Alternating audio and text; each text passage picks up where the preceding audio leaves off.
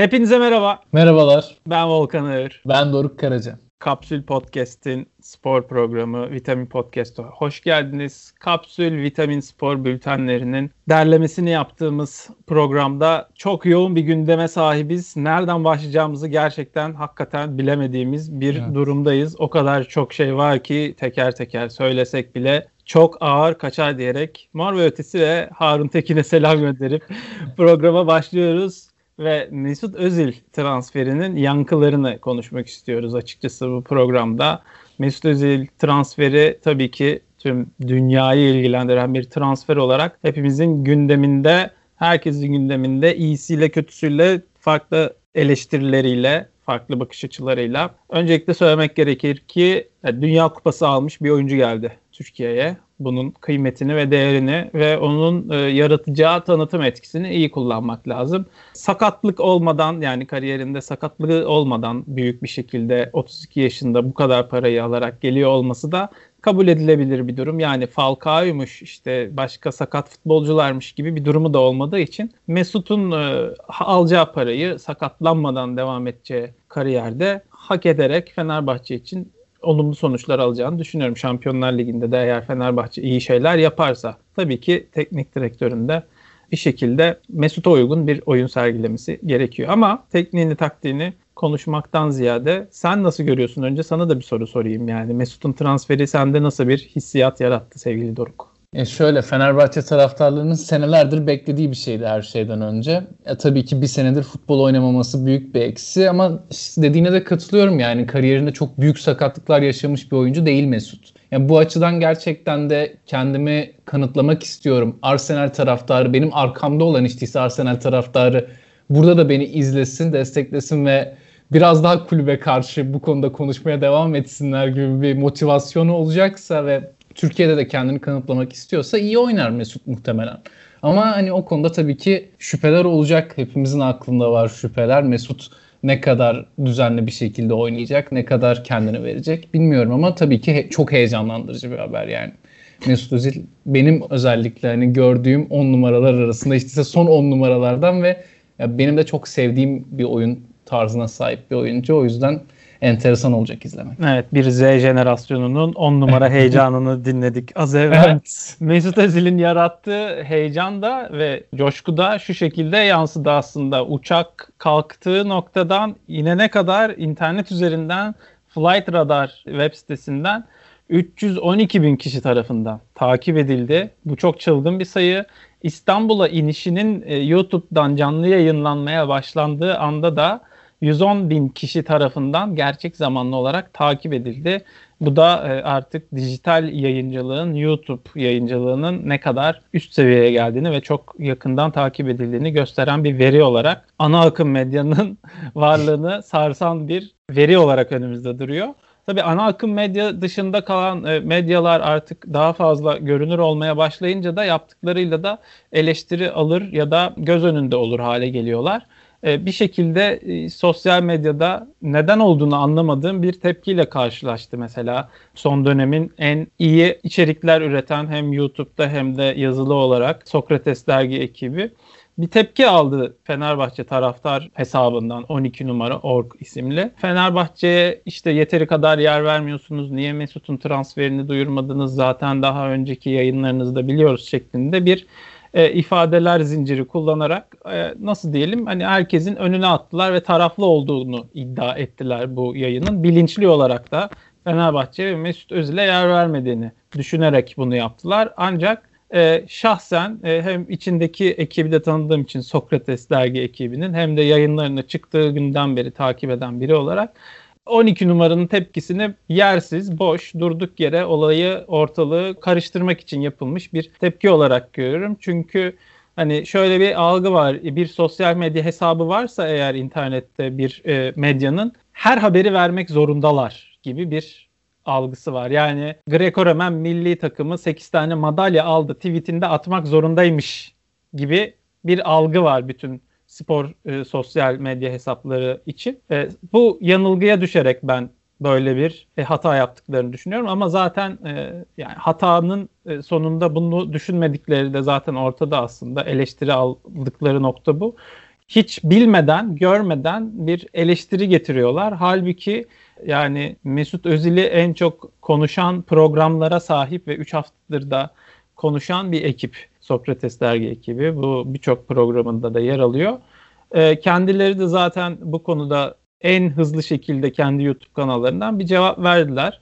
Biz sizi mutlu edecek şeyler söylemek durumunda değiliz. Burada da sizi mutlu etmeyecek cümleler, sözler, içerikler duyacaksınız. Çünkü hayat böyle bir şey aslında. Çok katılıyorum ben de orada Onur Erdem'in söylediklerine. Hatta şey Sokrates ekibi bu videoyu bu linç girişimi gelmeden önce çekmiş galiba yani zaten. Ee, evet hatta o videoyu çekmişler. Ondan sonra yeni bir tane daha çektiler bu arada yani hani ilginç bir şekilde. Çünkü çarşamba günü bir tane daha video gelecek biz bize diye yanlış hatırlamıyorsam. Her neyse biz de paylaşacağız e, Sokrates'in savunması şeklinde aslında o videoyu ve hani bu tamamen benim savunduğum düşünceye, renklere değer vermeyen, yer vermeyen herkes benden değildir ve linç edilmeye mahkumdur düşüncesinin sonucu olarak görüyorum. Yani Twitter'da özellikle son dönemde böyle çok Twitter hesapları var. İlla bir takım grup veya bunu işaret etmeye de gerek yok. Twitter artık böyle kullanılıyor. Bir nefret boşaltma alanı aracı olarak, bir deşarj alanı olarak kullanılıyor ama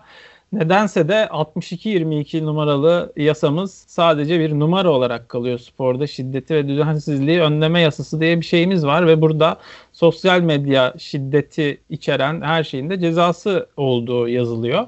Ancak uygulayan yok. Yürekli savcılar bekliyoruz burada duyuru olsun gerçekten. Çünkü bu gerçekten nefret suçundan başka bir şey değil benim nezdimde. Bunun somuta döndürülmüş hali seninle aynı düşüncede olmayan, seninle aynı formayı giymeyen insanların kapısını işaretlemekten başka bir şey değil.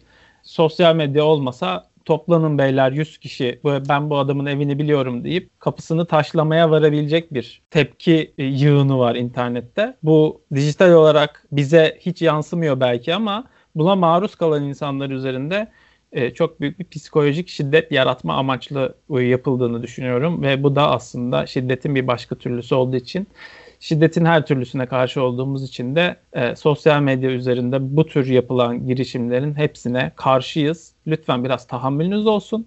Lütfen başka insanların başka türlü bir dünyanın olduğunu da, başka fikirlerin olduğunu da kabul edin. Beğenmiyorsunuz da dinlemeyin. Dinlemek zorunda değilsiniz. Ama siz dinlemek zorunda olmadığınız şeyleri, insanları sizinle aynı cümleleri kurmaları için de baskı yapmaya hakkı kimsenin yok. Aynı ne şekilde olursa olsun bizim seninle burada yaptığımız programda insanların gelip bize baskıyla bir şey söyletemeyeceği gibi. Bu konuda söyleyeceklerim şahsen bu kadar. Şahsen de hani bu konudan muzdarip olmuş biri olarak birazcık dile getirmek istedim ve akıcı bir şekilde bu konuyu ele aldık. Eklemek istediğim bir şey varsa lütfen çekinmeden söyle ve biz de artık spor ve futbol ve basketbolun diğer e, olaylarını, hı hı. güzelliklerini konuşmaya geçelim istiyorum. Yani tabii her şeyi söyledin bence. Yani çok uzatmak istemiyorum konuyu. Sadece aynı zamanda haberciliğin kalitesi için de çok zararlı bir şey. Yani görüyorum Galatasaraylı olduğunu bildiğim bir gazeteci Mesut'la alakalı olumlu bir şey yazdığında da linç yiyor. Olumsuz bir bir şey yazdığında da linçiyor. Artık herkes kelimelerini hem televizyonda hem sosyal medyada inanılmaz iyi seçmek zorunda bırakılıyor. Çünkü sonunda bir linç geleceğini biliyorlar ne olursa olsun. O yüzden kimse kendi görüşlerini söyleyemiyor açık açık. Yani bu açıdan da çok sağlıksız bir durum. Yani nasıl düzelir bilmiyorum. 62-22 midir bunun çözümü? Yoksa başka bir şey midir? Ama insanlar rahat rahat istediklerini söyleyebilse keşke. Söylemek istediğini söyleyen istediği gibi söylesin. Kimseye hakaret, ayrımcılık ve ırkçılık yapmadan diyerek bu konuyu geçiyoruz. Ve NBA'den birazcık bahsedelim de neşemiz yerine gelsin istiyoruz ama çok da neşeli haberler haberler olduğunu söyleyebildiğimiz durumlar değil. Sen hangisinden bahsetmek istersen NBA'in e, içeriğimize dair lütfen oradan başla Doruk. Çünkü gerçekten olaylar bir yandan toz pembe gibi gözüküyor. Maçlar oynanıyor, işte rekorlar kırılıyor vesaire. Diğer yandan da trajik hikayelerde aslında NBA'de devam ediyor. Evet yani koronavirüsten dolayı ve bu sağlık protokollerinden dolayı ertelenen maçlara artık çok girmek istemiyorum. Tek tek saymanın da lüzumu yok çünkü artık çok alıştık. Her gün en az bir iki tane maç iptal ediliyor. E bu şekilde devam edecek gibi gözüküyor. Yani playofflara kadar bir bubble göreceğimizi düşünmüyorum. O yüzden bu da böyle devam edecek. Yani en son geçen hafta da konuşmuştuk. oyuncuların e, maçtan sonra el sıkışması, sarılması vesaire yasaklanmıştı. E buna da kimsenin uyduğu yok. İzliyorum maçları. Maç sonlarında da hiç böyle bir şey görmedik. Yani önüne de geçemezsin bir yerden. O yüzden bu konuyu geçe, geçelim diye düşünüyorum.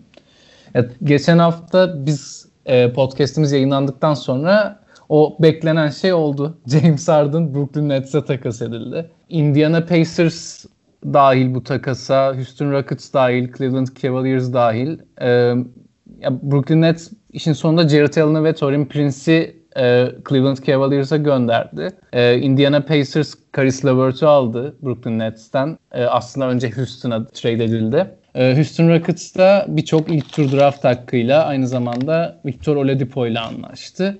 Yani çok tabii ki haftanın en büyük olayı. Harden'da Brooklyn Nets formasını giymeye başladı ve çok da hızlı başladı. Yani ilk iki maçında 32 sayı 12 rebound 14 asist ilk maçında. Bu ikinci maçında da 34 sayı 6 rebound 12 asistle oynadı. Yani Nets tarihinde ilk maçında en fazla asist yapan oyuncu oldu. İşte 30 sayılık triple double'la başlayan ilk oyuncu oldu kariyerine vesaire. Durant ve Harden çok korkunç bir ikili gibi gözüküyor şu an. Bir de onların yanında olmasını beklediğimiz kendi kafasına göre estiğinde maç oynayıp oynamayan bir de Kyrie Irving var. Hani bir dönem Durant, Westbrook ve Harden üçü yine bir aradaydı değil mi? Oklahoma'da galiba evet, yanılmıyorsam. Evet. Yine öyle bir üçlü bir arada. Böyle üçlüler de bir araya gelince şampiyonluk alameti gibi gözüküyor. Ya şöyle e, o dönem Harden çok şimdi şu an bildiğimiz Harden değildi. İyi Daha bir rol bir, oyuncusuydu. Evet, Bunları iyi yani, tamamlıyordu. Evet kesinlikle çok iyi tamamlıyordu. Aslında Nets'te de çok benzerini yapıyor. Sadece bunu bir süperstar olarak yapıyor. Çünkü yani ilk iki maçı gördüğümde gerçekten sezon başından beri bu takımla birlikte çalışıyormuş. Bu takımla beraber kampa girmiş gibi hareket ediyor. Kendisi de çok mutlu Houston'dan ayrıldığı için. Aynen. Yani, Houston döneminde hani roketi kendisine taktı ve kariyerini öyle yükseltti diyebiliriz. Hani bu yükseliş 34'er sayıya yükselecek şekilde özgüvenle oynamasının bir sebebi o sanki. Yani Houston Rockets'ta çok fazla izolasyona dayalı bir oyun oynuyordu. Artık herkes sıkılmıştı bence bundan. Kendisi de sıkılmıştı. Şu an Nets'teki oyun çok daha güzel gerçekten. Evet. Biraz Kyrie... şeye dönmüştü hani şeye ver topu, Harden'a ver o üçlük atar. Harden'a ver üçlük atar. Hani mahallede basket maçında artık böyle oynamıyoruz evet. diye ben birçok e, Houston maçını geçtiğimi hatırlıyorum açıkçası ve eleştirdiğimi de yani. Ama Hı. ondan daha iyi bir performans var şu son dönemde. Avrupa'dan e, NBA'ye giden en iyi oyunculardan biri olarak gözüküyor. Ve henüz 21 yaşında. E, Luka Doncic şov yapıyor açıkçası. Öyle. Yani Doncic Avrupa'dan NBA'ye geldiğinde çok fazla eleştiri vardı ona. İşte atletik değil, yavaş. Ondan sonra e, bekleneni veremeyecek gibi görüşleri olan birçok gazeteci vardı. Ama Doncic yani hepsini yanılttı. Zaten ilk sene inanılmaz bir çaylak performansıyla yılın çaylağı seçildi. İkinci senesinde hem All-Star ilk beşine girdi hem All-NBA First Team'de yer aldı. Yani inanılmaz bir gidişatı var kariyerinin. Ya bu sezonda da şimdi daha 21 yaşındayken Michael Jordan'ı e, tarihte en fazla triple double yapan oyuncular listesine geçti. 29. triple double'ını yaptı. Ve bununla birlikte hani hangisi greatest of all time diye açıkladığımız tarihin en iyi kısaca GOAT yani keçi olarak e, böyle dört tane tabir söyledim kafada iyi canlansın diye. Bir Kobe Bryant ki onun da ölüm yıl dönümü önümüzdeki hafta. Şimdiden analım onu da. Kobe Bryant, LeBron ve Michael Jordan'ın bir arada karşılaştırılmasının arasında Doncic'i de artık almamız gerekecek galiba. Böyle giderse. Yani şu an tabii ki inanılmaz erken bunun için ama e, en az 1-2 şampiyonluğu olması lazım kariyerinde e, ve tabii ki yılın en değerli oyuncusu da 1-2 kere seçilmesi lazım ki bu tartışmanın içine girebilsin ama şu an inanılmaz bir başlangıç yaptı. Bu sezon en değerli oyuncu seçilirse, MVP seçilirse tarihin en genç MVP'si olacak. Bu da gerçekten büyük bir olay olur yani. Ve büyük bir ihtimal aslında eğer bu performans bir sakatla maruz kalmaz veya Covid-19 e, hayatına girmez de e, performansını etkilemezse veya yani, maçları durdurmazsa. Ya Covid-19 onun hayatına girmezse değil de bir yandan da Dallas Mavericks'in hayatından çıkarsa diyeyim. Çünkü şu an çok kötü bir durumda Dallas. Yani iki maçtır kötü yenilgiler alıyor. Çünkü takımda çok önemli oyuncular eksik. E, sağlık protokollerinden dolayı bir türlü tam kadro olarak sahada olamıyorlar. Yani bunun bu şekilde devam ederse bu Dallas Mavericks iyi bir yerde bitiremezse sezonu NBA'de bu MVP ödülleri verilirken takımların sıralaması çok önemli bir yeri var. Yani o yüzden Doncic'in de MVP olması çok zorlaşır. Dallas iyi bir yerde bitiremezse. Playoff'lardan önce sezonu normal sezonu. Peki ee, Cedi ile Furkan ne durumda diyelim ve NBA'yi toparlayarak e, Cedi hı. Furkan dışındaki haberlerimizle şöyle bir gündem Türkiye dünya zaman, turu ataraktan yavaştan tamam. NBA'yi toparlayalım. Ya şöyle çok hızlı bir geçeyim o zaman. Ee, ya Furkan sakattı bildiğin gibi ama dönüyor artık. Philadelphia'nın bir sonraki maçında muhtemelen Furkan'ı sahada göreceğiz. Cedi şu an hiç fena gitmiyor. Cleveland'ın da son bir iki maçı ertelenmişti ama Cedi en son New York Knicks'e karşı oynanan maçta 25 sayı 5 asist yapmıştı. Ee, ve Drummond'la beraber çok önemli bir performans sergilemişti galibiyette. Bu arada Cleveland'da çok şaşırtıcı bir şekilde iyi gidiyor. Gerçekten iyi bir basketbol oynuyorlar. Bunu da söylemiş olayım. Ya bu arada üzücü haberi de vereyim. Carl Anthony Towns da koronavirüse yakalandı. Ya senle bültende de sık sık konuşuyorduk zaten. Yani 7 aile üyesini kaybetmiş bir isim. Her gün bize adeta kabus yaşatan bu salgının çabucak bitmesi için dua ediyorum dedi. Ama yani bilmiyorum. 7 aile üyesini kaybetti. Üstüne bir de bu haberi aldı herhalde. NBA tarihinin en talihsiz ve en büyük buhranını yaşayan oyunculardan biri şu anda. Evet. Acil evet, şifalar diliyoruz ona. Biz Kıta değiştiriyoruz. Kıtadan kıta atlamayı seviyoruz biz. Avustralya açığa gideceğiz. Avustralya açığa giderken uçakta Covid-19'da olduğu için 27 sporcunun da aynı anda olmadı, olduğunu e, hesapladığımızda Avustralya açığa gidecek birçok oyuncu temaslı bir şekilde turnuvaya başladı diyebiliriz. 8 Şubat'ta başlıyor turnuva. E, henüz planlanan o henüz iptal diye bir şey duymadık ama evet. diğer yandan Djokovic'in ilginç izolasyon esnetme talepleri olmuş. Karantinadaki talepleri de organizasyondan red cevabı almış. Evet biliyoruz durumlar çok zor. Sizlerin birazcık daha esnek bir şekilde antrenman yapmak için kuralların esnetilmesini istediğinizi biliyoruz. Ama hani virüs size özel bir şekilde davranmıyor, sporcu tanımıyor açıkçası diyerekten de bu talepleri reddedilmiş. Biz de bültende paylaşacağız. Sporcuların ilginç antrenman teknikleri var örneğin. Kendi otel odasında duvara vurarak işte squash oynarmışçasına antrenman yapanlar. 10 metrelik e, mesafede koşu antrenmanı yapan sporcular vesaire gibi sporcular Avustralya açığa zor şartlarda hazırlanıyor ama yani oynamaları gerekli mi gereksiz mi tartışmasına tekrar girmeye gerek yok. Bence gereksiz. Çünkü Avustralya açık elemeleri oynandığı sürede Doha'da İlginç bir şey yaşandı. Son e, manşetlerimizden biri de oydu. Deniz Kudla'nın yaşadığı gerçekten ilginçti. Yani bunu söylemeden edemeyeceğiz. Yani adam maç ortasında e, Covid-19 olduğuna dair test sonucu alması, sonra turu geçmesine rağmen turu geçememesi karantinaya girdiğinden dolayı elenen sporcunun da yenildiği için elenmesi filan. İkisi de gitti değil mi? İkisi de elendi. İkisi de elendi. Bir sonraki Aynen. tura çıkıp Kudla'nın rakibi olacak sporcu yer alma hakkı kazandı. Ne yazık ki Türkiye'yi temsil eden sporcular Pemra Özgen, Çağla Büyükakçay ve Cem İlker elemeleri geçemedi ama yani ilginç şeyler yaşanıyor Avustralya açık organizasyonuna yavaş yavaş gün gün yaklaşırken sporcuların da eğer kuralları e, delmeleri durumunda 20 bin dolar gibi bir ceza alma ihtimalleri de var. Ben keşke yapılmasa diye düşünüyorum ama işte kulüp Ler Dünya Kupası yapılacak. Yeni Zelanda takımı Auckland City katılamayacağını söyledi. Yani Avustralya, Yeni Zelanda bunlar birbirine uzak yerler değil ve hani oradan bir takım katılmıyor ama oraya bir sürü insan gidip turnuva oynanıyor filan.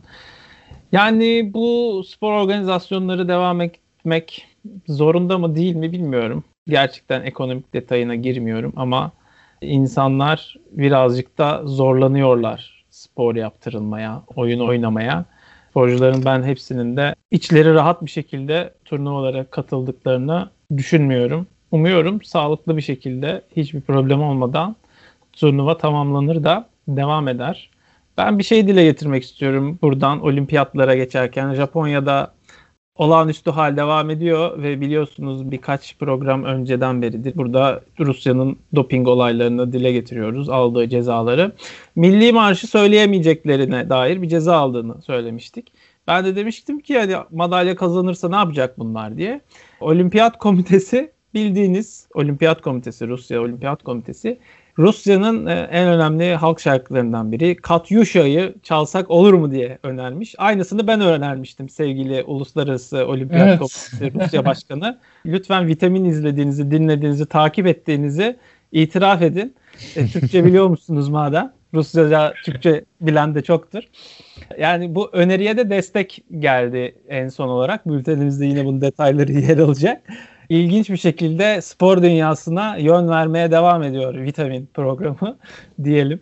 Birçok haberimiz yine bültenlerimizde yer alacak. Biz haftalık olarak sizlere e, dikkat çekmek istediğimiz ve üzerinde durulması gereken çeşitli konuları e, derleyip e, podcast'imize aktarmaya çalışıyoruz bültenlere de bakmanız durumunda e, aslında dünyada devam eden spor etkinliklerinden ve gerçekleşmesi planlanan spor etkinliklerinden veya sporcuların Covid-19'lu dünyada nasıl etkilendiklerine, nelerden etkilendiklerine dair bilgileri bulabilirsiniz. Programımızı bitirirken de son bültende çok önemli bir haber var. Açıkçası hepinizin dikkatini çekmek istediğimiz bir haber. Türkiye Wushu Federasyonu'nun Wushu içinde nasıl yönetildiğine dair uzun süredir haberler yapmaktaydı. Bir Gün gazetesinden Eren Tutel arkadaşımız. Son haberi de 19 Ocak 2021'de karşımıza çıktı ve Avrupa Wushu Federasyonu'nun Türkiye'nin üyeliğini askıya aldığını yazdı ve gerekçesi de mevcut başkan Abdurrahman Akyüz'ün bir korsan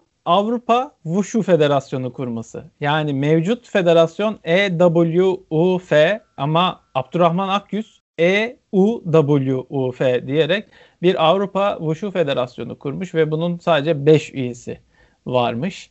Bu şekilde bir e, oluşumu fark edince de Avrupa Wushu Federasyonu Wushu içinde yol vermiş Türkiye Wushu Federasyonu'na.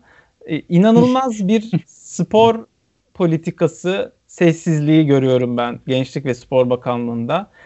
Biz spor konuşmak istediğimizde medya olarak bizim de tabii ki burada eksiğimiz çok ama artık her şey sadece futbol muhabirliği, basket muhabirliği gibi olduğu için biz yine de vitamin programlarımızda ve bültenlerimizde mümkün olduğunca fark ediyorsunuzdur futbol haberi az vermeye çalışan insanlar olarak. Bu haberi bile e, zar zor ve iyi bir şekilde detaylı bir şekilde büyük bir şekilde görmekte zorluk çekiyoruz. Ama Eren'in e, yaptığı bu haberi de e, tekrar alkışla karşılıyorum ben. Yani inanılmaz Gençlik ve Spor Bakanlığı'nın uzun süredir bu konuda hiçbir şey yapmaması. Evet. Diğer federasyonların aslında kimler tarafından nasıl yönetildiği. Zaten Hamza Yerlikaya'nın olayına hiç girmedik bile ama yani olimpiyat madalyalı bir insan bir bakanlık yapıyor, bir görevler alıyor ama e, diplomaları sahte. Spor alanı tamamen boş bırakılmış bir durumda gözüküyor ve ama bu Wushu Federasyonu'nda da ilk skandalı değil. E, zaten bizim de linkini paylaştığımız Bir Gün Gazetesi haberinin en altına göreceksiniz.